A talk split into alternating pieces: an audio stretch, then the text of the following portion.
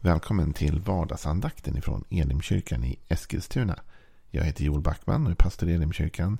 Om du vill veta mer om vår församling, vilka vi är, vad vi tror på och står för eller ta del av något av vårt material som vi erbjuder till dig så gå in på www.elimkyrkan.com Där hittar du all den informationen. Eller så går du in på vår Facebook-sida Elimkyrkan Eskilstuna och likar den. Eller så går du in på vår YouTube-kanal och prenumererar den. Eller så gör du allt det där och då missar du ingenting av det som händer. Får jättegärna också ansluta dig till vår digitala bibelskola som drar igång i höst. Två dagar i veckan, tisdagar och onsdagar i ett samarbete med Bromma folkhögskola. Det finns möjlighet till CSN-bidrag för den som är i den ålderskategorin och har möjlighet till det. Det är halvfartsstudier. Mycket mer om det där kan du läsa på vår hemsida elimkyrkan.com eller på Brommas hemsida, Bromma folkhögskola. Och där hittar du också eh, massa information om kursen. Så se till att gå upp där. Du kommer, om du går kommer du få möta lärare från Eskilstuna. kommer höra mig som lärare ganska mycket. Men även andra pastorer från, från Elimkyrkan. Du kommer också möta lärare från Bromma folkhögskola. Och ifrån kyrkan i stort. Så missa inte det. Det är toppenbra. Vi är inne i sista veckan innan semester lite grann. Så vardagsandakten kommer ta sig ett litet uppehåll. Den kommer dyka upp sporadiskt under de veckorna som kommer där. Men för det mesta så blir det ett uppehåll. Vi har gått igenom psalm 1 den här veckan och vi gör det fortsatt idag. Vi läser det första kapitlet. Eh, första kapitlet i Saltaren. Psalm 1. Lycklig den som inte följer det gudlösa, inte går syndares väg eller sitter bland hädare utan har sin lust i Herrens lag och läser den dag och natt. Han är som ett träd planterat nära vatten. Det bär sin frukt i rätt tid. Aldrig vissnar bladen och allt vad han gör går väl. Inte så med det gudlösa. De likadana är agnar som vinden för bort. Därför döms de gudlösa där rätten råder och syndarna i de rättfärdigas krets. Herren är med på de rättfärdigas väg, men det gudlösas väg leder till intet. Vi har talat om redan att eh, i det här kapitlet så, så, beskrivs livet som en resa. Och det är ett vanligt återkommande tema i Bibeln, att livet är en resa. Eh, och det beskrivs också som att det går i perioder och säsonger, det vill säga att det tar som frukt i rätt tid. Och det handlar om också att den som läser Bibeln och gör Bibeln till sitt, sin grund, man aldrig släpper den ur sikte riktigt, utan man har den med sig hela tiden i livet. Den personen grönskar hela tiden. finns alltid frukt när det ska finnas frukt. I rätt tid finns det där. Ett annat tema som är återkommande här och som är återkommande i hela Bibeln är någonting jag vill fokusera på idag. Och det är egentligen den fjärde och den femte versen. Där står det igen om vi läser. Inte så med de gudlösa. De liknar agnar som vinden för bort. Därför döms de gudlösa där rätten råder och syndarna i de rättfärdigas krets. Det här kapitlet börjar ju med att vi varnas för att akta oss från att, att eh, följa de gudlösa eller vandra syndares väg eller sitta med hädare. Och sen så talas det om vad den gör som istället har sin lust i Herrens lag, alltså väljer en annan väg. Ett tema som återkommer i Bibeln är skillnaden mellan den rättfärdige och den orättfärdige. Mellan syndare och mellan heliggjord eller rättfärdiggjord eller frälst eller räddad. Eller hur du vill uttrycka det. Att det finns en skillnad. Och här tänkte jag bli lite så här personlig i inledningen av den här andakten. Därför att när jag var ung, jag är uppväxt i ett kristet hem. Jag är uppväxt i ett pastorshem. Jag har ingen sån där superradikal omvändelseberättelse som en del har. Min far har ju en sån radikal omvändelseberättelse som bara är spännande och intressant att höra. Om man än har hört den hundra gånger, vilket jag ju har, så är den fortfarande intressant och spännande och givande.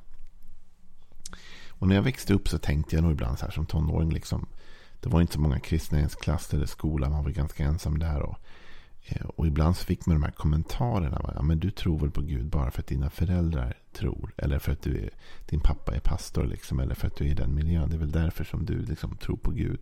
Så försökte folk ibland kompisar avdramatiserade det där. Va? Hitta en förklaring till varför man faktiskt trodde på Gud. Och jag vet att jag då stundtals tänkte så här att ja, men, det hade varit skönt att ha en sån där häftig omvändelseberättelse. Liksom. Nu skyller de ju bara på det här. Det har jag tänkt om lite grann på med tiden. Därför att, att vara uppväxt i ett kristet hem har sådana enorma fördelar vad det gäller att komma in i tron. Men, men. Då hände det ibland när jag gick där på skolan att mina kompisar sa till mig, men du är ju som oss. Man kan ju knappt tro att du är kristen. Inte liksom för att jag levde vilt eller ut, ut eh, liksom, det gjorde jag verkligen inte. Jag var inte en sån här partytyp som härjade och gjorde konstiga grejer på det sättet. Men jag var eh, hårdrockare, jag klädde mig alltid svart, nitar, allt det där, lyssnade på rock, betedde mig, pratade med alla, var trevlig och sådär, du vet. De tyckte väl inte att jag levde upp till den bilden som de hade, den förväntning de hade av kristna. Och när jag då gick i skolan så tyckte jag att det var ganska eh, positivt. Jag var glad för det. Jag kände liksom så här, typ att yes, liksom, varje gång jag hörde någon säga så, typ, men det, man kan inte tro det. Liksom, då, då kände jag på något sätt att ja, men nu bryter jag ner stereotyper. Jag tror det var så jag tänkte. Nu bryter jag ner stereotyper. Deras, jag utmanar deras fördomar om kristen tro. Och om hur kristna människor måste och är. Måste vara och är. Och det var jag på ett sätt stolt över. Och det kan jag väl på ett sätt fortfarande känna är viktigt. Det vill säga det är klart att vi behöver bryta ner felaktiga stereotyper om vilka kristna är. Att kristna måste se ut på ett visst sätt eller vara på ett visst sätt. Eller allt det där. Det, det är klart det är liksom det behöver vi bryta ner och där är det positivt att vi faktiskt också kan vara hårdrockare eller vad du kan vara. Eh, fastän du har en tro på Gud. Det spelar ingen roll. Liksom. Det är inte det avgörande. Och det gör att folk känner igen sig och kan ta emot mer. Men, nu kommer männet i berättelsen. Sen har tiden gått. Och när jag var ung, va, då tänkte jag så här ofta att jag var glad att, jag, att mina kompisar inte såg mig som annorlunda då. Utan att jag kunde vara en i gänget fastän jag var, hade min tro. Liksom. Och jag tyckte att det var bra. Men ju äldre jag blir så har jag insett att jag vill inte vara likadan. Jag vill inte att det ska inte synas. Förstår du vad jag menar? Jag vill att det ska synas skillnad. Jag vill att det ska vara skillnad. Jag vill ju att min tro ska sätta spår i mitt liv. Och det är klart, nu kanske man är mer trygg och stabil i sig själv så man vågar uttrycka det. Men i alla fall, jag vill inte vara som alla andra. Utan jag vill vara den, jag vill inte vara som de gudlösa. Jag vill inte vandra syndares vägar. Jag vill inte sitta bland hädarna. Jag har en, ett annat liv. Och faktum är att jag tror att den kristna kyrkan i sin desperation ibland i Sverige. Och då räknar jag in mig själv, för nu har jag ju precis berättat den här storyn för dig. Ehm, vi har ibland varit så desperata efter att människor ska känna att vi inte är annorlunda. Va? Vi är precis som ni. Kom till kyrkan, vi är exakt som du. Men om vi är exakt som dem, varför ska de då komma? Det är väl bara onödigt. Vad söker de då som de inte redan har? Vi är inte lika. Vi är annorlunda och vi bidrar med något nytt. Vi har förändring. Och det gör skillnad i livet att tro på Gud eller att inte tro på Gud. Jag vet inte hur många bibelberättelser som egentligen belyser det. Och om du läser Ordspråksboken igenom eh, så kommer du märka gång på gång kontrasteras den rättfärdige och den orättfärdige. Det är inte alls lika med tecken. Det är stora skillnader mellan dessa. Likadant i Saltaren återkommer gång på gång den rättfärdige den orättfärdige. Om man är liksom fiende till Gud eller om man är med på Guds sida. Hela tiden kommer detta. Och Det avslutas i den kontrasten också, vilket jag egentligen ska komma till imorgon. Då. Men Herren är med på de rättfärdigas väg. Men, men, de gudlösas väg leder till intet. Det kan inte bli mer tydligt än så att i slutklämmen av allting så avgörs vår slutdestination, vårt liv, på vilken väg vi väljer. Om vi väljer det gudlösas väg eller det rättfärdigas. Och på det rättfärdigas väg så är Gud, Herren, med. Så jag skulle vilja uppmuntra dig och mig att inse och våga ta till oss att vi ska inte vara likadana. Det är en god intention bakom det. Jag förstår det. Jag har själv levt den. Intentionen att man vill bryta ner fördomar och stereotyper. Man vill att människor ska få se en bra sida av kristen tro. Att vi inte är annorlunda. Vi är som ni. Men vi är ju inte som alla andra. Utan vi har ju Gud med på vår sida. Och det är klart att det där kan bli och har i perioder blivit lite väl mycket fokusering så kanske förr. Då man liksom tog avstånd från andra människor. Vi ska inte ta avstånd från andra människor. Vi ska umgås med alla. Jesus älskade alla människor. Och Jesus umgicks med alla människor och rörde sig i alla kretsar. Alltså, vi ska fortsätta att vara som andra i den kulturella bemärkelsen. Att vi kan vara som jag var när jag var tonåring och växte upp. Helt liksom i det här med hårdrock. Va? Och lyssnar jag ju fortfarande på såklart. Men jag klär mig inte lika radikalt som jag gjorde då. Det långa håret är borta och allt det där. Men du vet, det var viktigt då. Det var en kulturgrej. Det ska vi inte ta bort. Vi lever i världen, säger Jesus. Så vi ska inte isolera oss ifrån världen. Och på ett sätt är det bra att världen ser att vi är som dem. Vi gillar också samma musik och prylar och grejer och filmer och allt vad det kan vara. Och vi, vi liksom rör oss i samma kretsar. Det är inget fel. Men det måste komma till en punkt där det är skillnad. Det får inte bli så att vi blir så lika världen att det inte syns någon skillnad. Men vad, är det då? vad ska vi då ha Gud till? Faktum är att det gör en radikal skillnad att tro på Gud eller att inte göra det.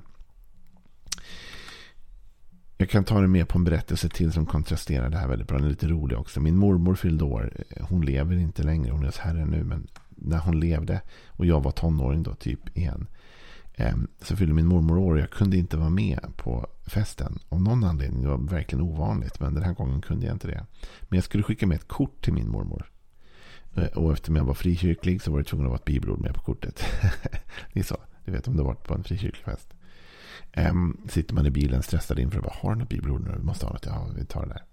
Men jag hade tänkt ut, jag ville ha femte Mosebok 28. För det handlar om välsignelsen.